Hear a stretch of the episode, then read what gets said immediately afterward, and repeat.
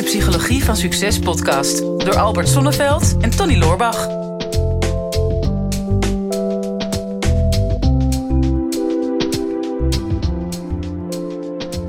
Albert, ben je al bedolven onder de reacties in je inbox vandaag?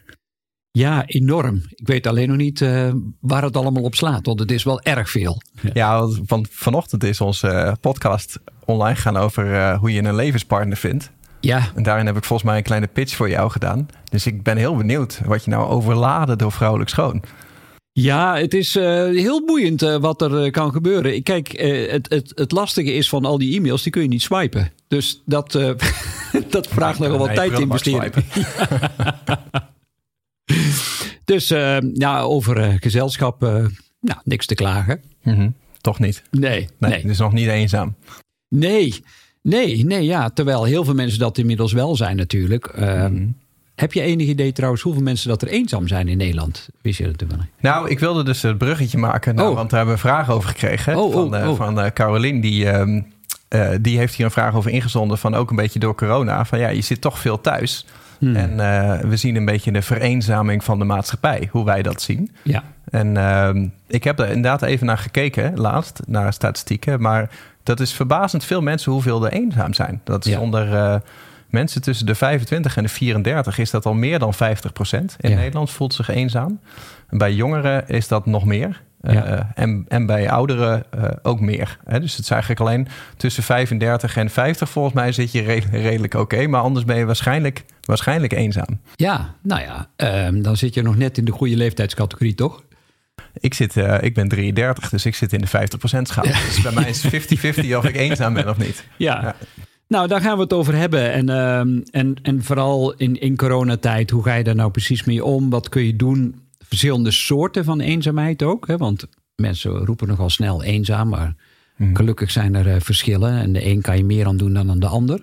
Dus volgens mij kunnen we daar wel een hele boeiende podcast van maken, Tony. Ja, want, want uh, ervaar jij dat nu in de coronatijd? Want jij bent natuurlijk ook uh, sinds enige tijd ook weer, ook weer single. Dus betekent ook dat je nu weer alleen woont. Dat is sowieso al even wennen. Maar Ja. je hebt dat lekker praktisch gekozen om dat in het coronajaar uh, te gaan uh, testen. Ja. Hoe ervaar jij dat?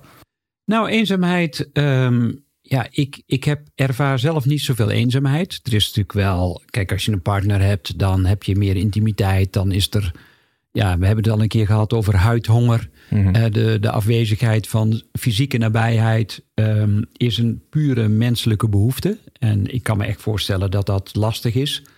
En ehm, gelukkig heb ik wel een aantal hele goede vrienden. ehm, die als we een beetje in dezelfde bubbel leven, we ook wel een keer kunnen huggen. En, en, en die fysieke nabijheid op die manier toch Oh, kunnen voelen. Stiekem. Ja. Ja, maar goed, eh, nou ja, dat is wat het is. Mhm. En gelukkig eh, gaat dat ook helemaal goed. Maar ehm, ja, het, het, het allerlastigste vind ik toch dat, ik het, dat het verplicht opgelegd is. Hè? En, en dat moet ook, want Mhm. anders in de maatschappij heb je nu eenmaal te maken met regels. Mhm. Maar het feit dat ik niet meer de vrijheid kan voelen dan voor corona om me te bewegen, eh, contact te maken met de mensen die ik wil. Mhm. En vooral in mijn werk. Weet je, ja, ik ben coach en daarmee heb ik toch al snel dat ik iets wil bekrachtigen. Of als mensen emotioneel zijn, dat ik ze even kan aanraken of bemoedigen. Maar ehm, ja, dat kan nu niet. En dat vind ik een van de moeilijkste dingen Ja, op dit moment. Snap ik wel, ja. Ja. Ja, want het is toch uh, dat, dat, dat, dat fysieke is natuurlijk belangrijk. Maar ik merk het ook hoor. Ik heb uh, jarenlang, uh, als ik op het podium stond of als ik een podcast maakte, dat ik heel vaak een grapje maakte van uh, ik hou niet zo van andere mensen. En daar zit ook wel een kern van waarheid in, in de zin van dat ik graag alleen ben. Hè? Want mm. ik in de vorige podcast ook al zei, ik deed al aan lockdown voordat het hip was. maar, ja. maar, het, maar het valt me wel echt tegen nu. Ik merk. Ja. Um, ik merk wel dat, dat het eenzamer wordt, ook als je alleen woont, zoals, zoals ik. Mm-hmm. Um, maar ja, mijn bedrijf is best wel hard gegroeid dit jaar. In januari waren we met 17 mensen, we zijn nu met 28. En daar ben ik enerzijds heel trots op, maar ik heb nu gewoon eens mensen in dienst die ik, die ik nog helemaal niet heb ontmoet. Uh, nee. En dat vind ik heel raar. Maar ik merk ook dat ik, dat ik, dat ik iedereen echt mis. En, uh, en uh, je kan daar wel uh, iets aan doen door hè, gewoon het online contact op te gaan zoeken. Ja. Dat, dat helpt ook echt wel. Maar ik merk ook wel als je zoveel thuis zit, alleen dat je op een gegeven moment overkomt het leven je ook een beetje. En dan zoek je die contacten ook niet meer op. Hè. Dan kruip je een beetje terug in, uh, in je schulp. En ik heb het idee dat dat iets is waar heel veel mensen mee te kampen hebben. En het is natuurlijk zeker de wat, wat jongere mensen die, die echt heel veel behoefte hebben aan leeftijdsgenoten. Ja. Dat die nu toch een beetje in het sociaal isolement beginnen te raken. Ja, en dan, komen we al gelijk op de twee belangrijkste verschillen. Want er is, er is iets als sociale eenzaamheid en, en wat ik altijd maar noem persoonlijke eenzaamheid of intrinsieke eenzaamheid. ja, keurig in, keurig in de elleboog. Hè? Ja, precies. Ja. ja. Emotionele eenzaamheid. Een, ja, een, ja. ja. En um, het, en het grote verschil is, is bij sociale eenzaamheid, dan heb je relatief weinig mensen om je heen. Hè? Dat kan. Er zijn nou eenmaal mensen die gewoon niet zo'n hele grote peergroep hebben. Dat is dan weer een Engels woord, maar... Mm -hmm nou ja, uh, soms weinig familie of sociale contacten. En dan, ja, dan ben je letterlijk en figuurlijk eenzaam. Hè? We, we, verbazen ons soms wel eens over uh, krantenberichten dat mensen dood gevonden worden na een jaar. En dan denk ik, huh, is er dan niemand in de buurt mm -hmm. die daar dan naar omgekeken heeft? Maar dat komt dus nog steeds regelmatig voor. Mm -hmm. En door met name corona is er meer isolatie en daardoor ook sociale eenzaamheid. Maar er is ook nog een ander soort eenzaamheid, die persoonlijke eenzaamheid. Dan kun je nog steeds omringd zijn door duizenden mensen. Maar je hebt jezelf geïsoleerd. Ja. Um, je hebt zelfs zoiets van, ja, uh, hoe moet ik me verhouden ten opzichte van die andere mensen? En vind ik mensen eigenlijk wel leuk? En ik loop ook wel een risico als ik met mensen omga, want dan gaan ze vragen aan me stellen en willen ze misschien weten hoe het met me gaat. Mhm. Um, of Misschien willen ze me een bepaalde richting inpraten, wat het ook maar is. Maar een, sociale fobie kan ertoe leiden dat, dat mensen zich steeds meer gaan isoleren. En, en daardoor ook uh, persoonlijk steeds eenzamer worden. Ja, ja maar het is een beetje contra-intuïtief. Het is. Um... Ik heb daar laatst een stukje over geschreven. Over uh, dat iedereen altijd maar roept van je moet uit je comfortzone stappen. En ik denk, nou, volgens mij hoeft dat helemaal niet altijd. Want het heet niet voor niks zo. Hè? Het is ergens waar je comfortabel bent. Dus waarom zou je daar de hele tijd uitstappen? Snap Ja. ik niet helemaal. Dat is net als waarom zou je uit bed stappen? Snap ik ook niet.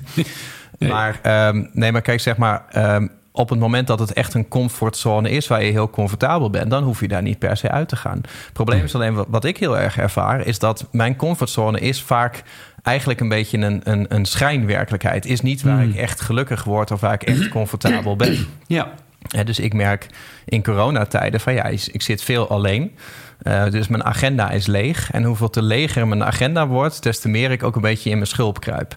En, en op het moment dat, dat ik dan het sociale contact bijvoorbeeld wel op mijn pad krijg, dat ik dan geneigd ben om daar niet op in te gaan. Hè? Omdat, omdat ik op een gegeven moment zoiets heb van ja, maar ik heb nu net de week leeg en ik was van plan om dit te gaan doen en dat te gaan doen. Dus dan Ja. zoek je het sociale contact niet zo op. En dan is het heel makkelijk om je wereld heel klein te maken, uh, klein en veilig. En vervolgens eigenlijk te constateren dat je in dat kleine wereldje niet zo, niet zo heel erg gelukkig bent. Nee. En ik merk, um, er is natuurlijk een verschil tussen hè, dat, dat die sociale eenzaamheid en het emotionele eenzaamheid. Sociaal um, ja, is meestal op te lossen door gewoon contact te hebben überhaupt met mensen. En, en als je die mensen niet kent, zijn daar zelfs oplossingen voor hè, met, met, met instanties en hulplijnen en, en verenigingen. Maar Hmm. ik merk, het zit hem vaak in die emotionele eenzaamheid. Dat je, Ja. je hebt wel je app-contacten en, en je krijgt wel likes op social media en je, je ziet wel gezichten. Maar je hebt niet die diepere verbinding met elkaar. Uh, en dat is moeilijk in isolatie, op afstand. Van, hoe krijg je nou hoe krijg je die verbinding met elkaar? Ja, nou daar, daar hebben we sowieso al een aantal uh, oplossingen voor. Maar ten eerste, ik, ik heb nog niet zo lang geleden een webinar gegeven over uh, eenzaamheid. Mm -hmm. Um, kwamen wel mensen opdagen. Ja, gelukkig. Ik, ik denk, ja, ik moet iets doen om me niet alleen te voelen. Dus laat ik maar een webinar organiseren. Nou ja, en dat werkt als een tierenlier. Toen kwam je erachter dat jij niet de enige was die eenzaam was. en dat is een heerlijk gevoel. Hè? Van, uh, hoe maak je van een pessimist een optimist door een nog grotere pessimist naast te zetten? Dus als je Mhm. al die ellende hoort van mensen die zich eenzaam voelen, denk ik, maar Mhm. valt met mij misschien toch nog wel mee. Uh, maar we moeten het wel serieus nemen, want het, het heeft nogal wat gevolgen ook. Uh, als, je, als je lang eenzaam bent en vooral die emotionele eenzaamheid, ja, die, die kan leiden tot depressie. Hè? Veel mensen die, die gaan dan somber zijn, piekeren. Um, ja, so, soms zelfs suïcidale gedachten. Want um, ik, ik heb veel nagedacht, ook tijdens de voorbereiding natuurlijk van, van het webinar, van wat is nou eigenlijk eenzaamheid?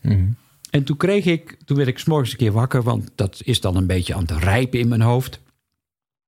En toen stond ik er s'morgens mee op en dan denk ik, ja, eenzaamheid. Maar je kunt pas eenzaamheid ervaren op het moment dat je verbonden bent. Want hoe kun je anders eenzaam zijn? En ehm, dus we leven in de wereld van polariteiten. Dus je kunt het een niet ervaren zonder ook weet, wetenschap te hebben van het andere. Alleen, waar zit je focus? En, en als eenzaamheid eenmaal in jouw leven is geslopen of gecreëerd, bewust of onbewust, ja, dan, dan krijgt dat steeds meer aandacht. Terwijl het dan blijkbaar heel moeilijk is om weer op te schuiven richting verbinding, die er ook is. Hè? Want ja, alleen al het feit dat je in en uitademt, zegt al iets over een soort van verbinding, namelijk binnenwereld, buitenwereld. Hè? Een inademing laat je de binnenwereld toe en bij een uitademing deel je weer letterlijk en figuurlijk eh, met de buitenwereld. En in het spreekwoord, Nederlandse spreekwoord, ik kan jou niet luchten of zien, Dus ook iemand naar binnen of naar buiten brengen. wil eigenlijk zeggen, ja, ik, ik wil gewoon mijn adem niet meer met jou delen. Hè, dus het, het, het bijzondere is, denk ik, als je daarbij stilstaat, alleen dat al, van, oh ja, eh, op het moment dat ik adem, word ik min of meer gedwongen om te delen met mijn buitenwereld. En moet ik mijn buitenwereld ook binnenlaten. Je kunt, je kunt niet zeggen, oké, ik besluit nu eens tien minuten om niet meer mee te doen met de wereld. Hè, dus die, die verbinding die is er. Alleen wat heb je nodig om daar weer letterlijk en figuurlijk contact mee te maken? Ja, ja ik merkte, ik, eh, ik ging gisteren even een stukje wandelen. En, dat, en dat, dat klinkt als iets heel normaals. Maar ik had het toch al, want we zitten nu weer twee weken in de, de, de, de nieuwe lockdown, zeg maar, laten we het zo maar noemen. Eh, om het maar even niet de intelligente lockdown te noemen. Want voor mij worden we er niet per se heel veel slimmer van met elkaar. Maar, maar ik had al twee weken dat ik, dat ik een beetje mijn, mijn wereldje thuis weer klein had gemaakt. Dat ik steeds dacht van, oh, ik kan ook wel even een stukje gaan lopen. Maar, de, maar, maar het kwam er dan toch niet echt van. Want het is heel verleidelijk om dat, om dat niet te doen. Hè? Als jij de hele dag thuis bent en je, je agenda ligt zo open dat je denkt van, ik heb wel een paar dingen te doen, maar dat kan in principe de hele dag. Ja. Ehm, dat, dat, dat haalt een bepaalde structuur weg. Hè? Normaal gesproken, als je in ieder geval naar je werk ging en van je werk weer naar huis, dan, dan waren er een paar momenten op de dag die vaststonden. En daar bouw je dan je agenda omheen. Maar als die vaststaande momenten weggaan, dan ligt alles open. En dan constateer je heel vaak aan het einde van de dag van, oh, ik heb gewoon in een, in een roes gezeten. In een Eh, bubbel. in een bubbel. Hè? Ik eh, stap s'avonds stap ik uit met joggingbroek. En s ochtends als ik uit bed stap, dan stap ik er weer in, zeg maar. Is- Oh, je trekt hem wel uit, toch? Gewoon. ja, ligt een beetje aan hoe koud het is. Maar, maar ik dacht ook, kijk, ik ga even een stukje wandelen. En Het is echt maar iets kleins, maar ik merk dan gewoon... oké, je bent weer in beweging. eh, buitenlucht doet een hoop. Maar ook door om andere mensen te zien... eh, ook al heb je er niet eens een gesprek mee... je bent toch even onder de mensen. Hmm. En, en dat, dat doet mentaal wel meteen al iets met je. Ja. Hè? En dat is precies wat jij zegt. Van, dan ben je weer onderdeel van de maatschappij. En eh, op de een of andere manier, als je thuis op de bank zit en je kijkt uit het raam en je ziet mensen lopen, dan is dat, dan is dat niet zo. En dan is dat toch een ander gevoel. Ja, ja en, de- en dat is te- al tegelijkertijd de eerste tip. Is, is hoe moeilijk ook. ehm, maar leg wel verbinding. Hoe dan ook. Ehm, ja, en dan lijkt het heel makkelijk om dat te doen met appcontact of te zoomen. Ik las vandaag een nieuwe term, zoombies. Wat, hoe? Zoom? Zoomies, hè? Dus eh, dat, dat zijn mensen die eh, de, de hele dag nu vanwege hun werk moeten zoomen. Oh ja. Maar ja, daar word je een beetje een zombie van. Dus dan ben je een zombie Oh, geworden. ja, ik, ik hoor altijd zoenen. Van we zijn, gaan even lekker, lekker zoomen met elkaar. Ja, het Dan is ook ik, ja, maar- dan zit je dus digitaal op elkaars lip. Dacht Ja. ik. Dat is een soort van nieuwe versie. Ja, ja, nee, ja, dat, eh, ja dat soort online verbindingen zijn er ook, maar dat wordt niet bedoeld met zoomen. Nee, dat is plan B. Ja. Als deze business niet meer werkt. Ja. Nee, maar, maar dus ehm, ja, ergens ga je merken dat ook die, die verbindingen die je dan maakt digitaal, dat dat nooit helemaal eh, bevredigend is. Je Nee. wil ja, fysiek contact. Hè. We, we zijn nu eenmaal in ons, in ons limbisch systeem, in onze emotionele deel van ons brein. Zijn we nu eenmaal mensen die zich willen verbinden. Ehm, en en wat ik al zei, we zijn verbonden. Dus daar hoef je nooit aan te twijfelen. Het is alleen wanneer besluit je mentaal weer om daar een onderdeel van te zijn. Dus ja, dat kan heel simpel door uh, met anderhalve meter afstand toch maar even af te spreken op de hoek van de straat. Of even samen te wandelen of samen te fietsen. Mhm. Inderdaad, jouw suggestie om te gaan bewegen is mega belangrijk. Want Mhm. omdat je fysiek beweegt, ga je ook mentaal letterlijk en figuurlijk in beweging komen. Want dat merk je bij eenzaamheid, dan krijg je steeds meer de neiging om in te zoomen. Mhm. Dat jouw wereld steeds kleiner wordt. En ja, verbinding is weer uitzoomen. Dan heb je toch weer een beetje. Ga je toch weer zoomen. Dan ga je toch weer zoomen. Het is, het is toch, je ontkomt er niet een aan. internetverbinding nodig om te kunnen zoomen. Ja, Dus als er geen verbinding is, kan, ja, nou goed, Ja. maakt het niet uit. ik zou het niet te ingewikkeld maken, want daar zit vaak het probleem. Mensen maken het ook te ingewikkeld. Hè? Nou, dat, dat merk ik ook wel. Dat het, zijn, het zijn de kleine dingen. Hè? Dat als je nu merkt van oké, eh, ik, ik ben meer eenzaam dan, dan normaal. Wat ik voor mezelf realiseerde is, eh, ik ben niet per se eenzaam, maar ik heb eenzame momenten. Dat was voor mij al best wel een groot verschil. Ik dacht Ja. van, ik, ik kan het mezelf eenzaam maken door heel erg in te zoomen op mijn eenzaamheid. Hmm. En daar een beetje in te blijven hangen van het is nu eenmaal zo. Ehm, en je hebt niet heel veel nodig om het te doorbreken. Hè. Je kan even gaan wandelen. Ehm, je kan eh, gewoon even iets leuks doen voor een ander. Hè. Je kan ook gewoon een keer eh, iemand even bellen of eh, een keer een bloemetje sturen naar iemand. Het, is, het maakt niet zo heel veel uit. Het is maar Nee. iets van een vorm van contact. Ehm, en toch ook online wel. Ik merkte nu, we hebben dat in ons bedrijf hebben we dat nu gedaan. We noemen dat de Victory Friday. Ja. En want wij merkten ook van ja, iedereen zit op zijn eigen eilandje. We zijn ineens met heel veel mensen. Ehm, heel veel mensen hebben geen idee wat, wat hun collega's aan het doen zijn. Dus je hebt alleen maar contact met jouw directe twee of drie collega's, maar niet meer met de rest. Ehm, ja, en, en ik in het bijzonder, want ik heb mezelf nou juist uit alle operationele processen gefietst. Wat Ja. heel goed gelukt is. Maar ja, nu, nu, nu zit, heb, zit ik dus in geen enkele meeting meer. Dus Ja. ik krijg er niks van mee. Dus we hebben de, de Victory Friday. En dat houdt in dat we gewoon iedere vrijdag een half uurtje, gewoon van 12 tot half 1, eh, als mensen gaan lunchen, van nou, pak een broodje, dan gaan we met z'n allen op Zoom. En dan eh, is er iedere week één iemand uit het team die krijgt de kans om een, om een korte presentatie te geven over eh, iets wat je, wat je hebt gedaan in je werk, een bepaald project. Maar het mag ook iets privé zijn. Hè? Dus, dus bijvoorbeeld. ehm, we hadden nu, eh, eh, vorige vrijdag hadden we een programmeur die deelde een nieuwe functie in de software die hij had gebouwd. Even kort van, nou, dit heb ik gemaakt. Maar de week daarvoor hadden we iemand die eh, deelde dat hij bezig was met de Miracle Morning routine. En die vertelde dan van, nou, zo is mijn ochtendroutine nu en dit heb ik eraan gehad en dit voor effect heeft het. En het hoeft maar echt maar iets kleins te zijn. Maar toen wij dat opperden in het team, toen ik dacht in eerste instantie van mensen gaan daar echt een werkproject delen. En echt gewoon binnen een uur kwamen er allemaal suggesties van mensen. Zeiden, oh ja, ik, eh, ik heb dit boek gelezen, daar wil ik wel iets over vertellen. Hè? Of ik heb deze routine. Of gewoon hele persoonlijke dingen. Ja. En dacht, ja, als je, als je ook maar het kleinste podium geeft...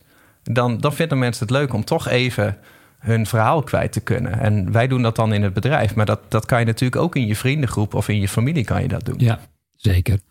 Ja, als we gaan kijken naar tips, want daar wordt toch altijd ook naar gevraagd in onze podcast. Het leuk dat jullie al je persoonlijke verhalen delen, maar heb je nou ook nog iets waar we iets mee kunnen? Ja, dat moet ik van jou hebben. Kom Ja. jij nou eens met een oplossing? Dit Nou, is het- al iets. Nou geval. ja, het eerste wat ik altijd zeg is verander je kernovertuiging. En je kernovertuiging heeft te maken met jouw overtuiging die je hebt ten aanzien van, van eenzaamheid.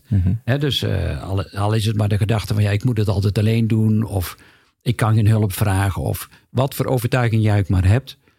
Ehm, als je daar bewust van bent, daar begint het mee. Dat je die voor jezelf ehm, gaat doorbreken door daar op een andere manier naar te kijken. Is het altijd zo? Je kunt bijvoorbeeld Byron Katie of NLP of rationeel emotieve training. Er zijn zoveel technieken om een andere kernovertuiging te krijgen. Het tweede wat ik altijd zeg is, ga nou eens kijken naar die circle of influence. Dus hoeveel mensen zijn er nu werkelijk in jouw leven waar jij op een of andere manier een verbinding mee hebt, waar je hulp van krijgt of waar je hulp aan zou willen geven. Hoeven er niet veel te zijn, al zijn het er maar vijf of zes. Maar onderhoud dat contact in ieder geval. Hè. Ehm, en dat, dat kun je doen door bijvoorbeeld, als je toch thuis zit, eventjes ehm, ja, een inventarisatie te maken. Wat zijn nou de mensen waar ik werkelijk van hou en waarvan ik nou toch wel heel erg beroerd zou zijn als die op, di- op dit moment uit mijn leven zouden verdwijnen. Begin daar weer in te investeren. Hè. Dus dat is in ieder geval iets wat je ook altijd kunt doen. Nou, en daarnaast de, de suggesties om letterlijk en figuurlijk naar buiten te komen, in welke vorm dan ook, uh, laat dat over aan je creativiteit. Hè? Want wij hebben nu een paar suggesties gegeven van ga naar buiten en zorg dat je iets organiseert online. Maar misschien zijn er wel andere dingen die bij jou veel beter passen. Hè? Dat je mhm. bijvoorbeeld boeken gaat ruilen of je een bepaald. Mm. jij hebt ook zo'n challenge achter de rug.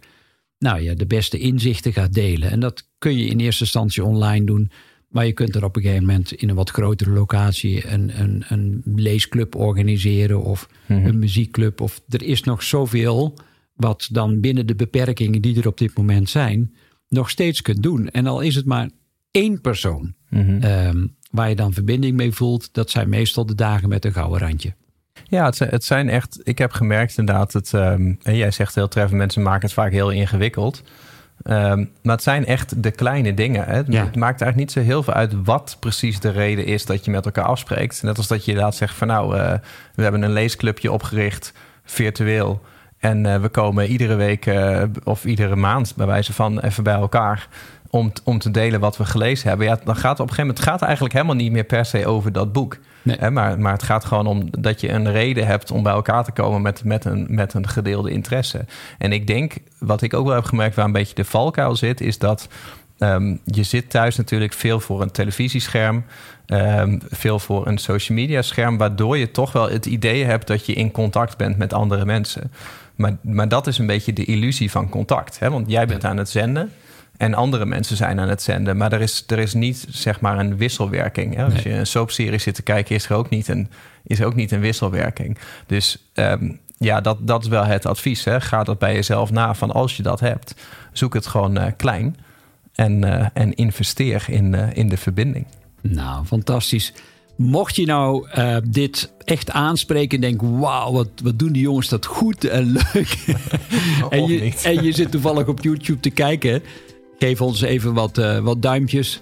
En je kunt ook altijd even naar, uh, naar Brein TV gaan, toch? Er zijn nog zoveel manieren om echt in contact te komen en te blijven. Dit is de Psychologie van Succes podcast door Albert Sonneveld en Tony Loorbach.